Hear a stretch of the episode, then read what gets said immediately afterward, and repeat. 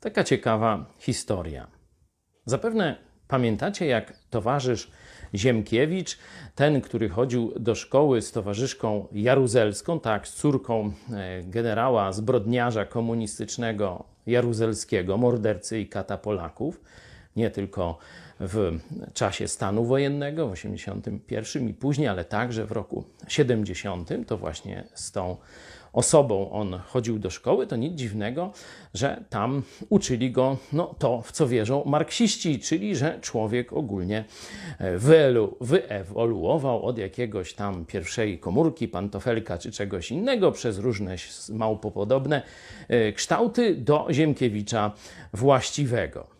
I kiedy w naszym programie mówiliśmy wielokrotnie o tym, że Bóg stworzył świat i człowieka w ciągu sześciu dni, że większość Amerykanów, a na pewno większość chrześcijan amerykańskich właśnie w ten sposób wierzy, statystyki są różne, od 30 paru do nawet 50 paru e, procent, to wyśmiewał, że to prostacy, którzy nie znają naukowego wyjaśnienia. To prostacy, którzy wierzą w legendy, a nie znają się na nauce. No tak sobie dworował z towarzyszem Janeckim w tyle wizji, stąd też akcja Nie pochodzę od małpy to na cześć właśnie towarzysza Ziemkiewicza.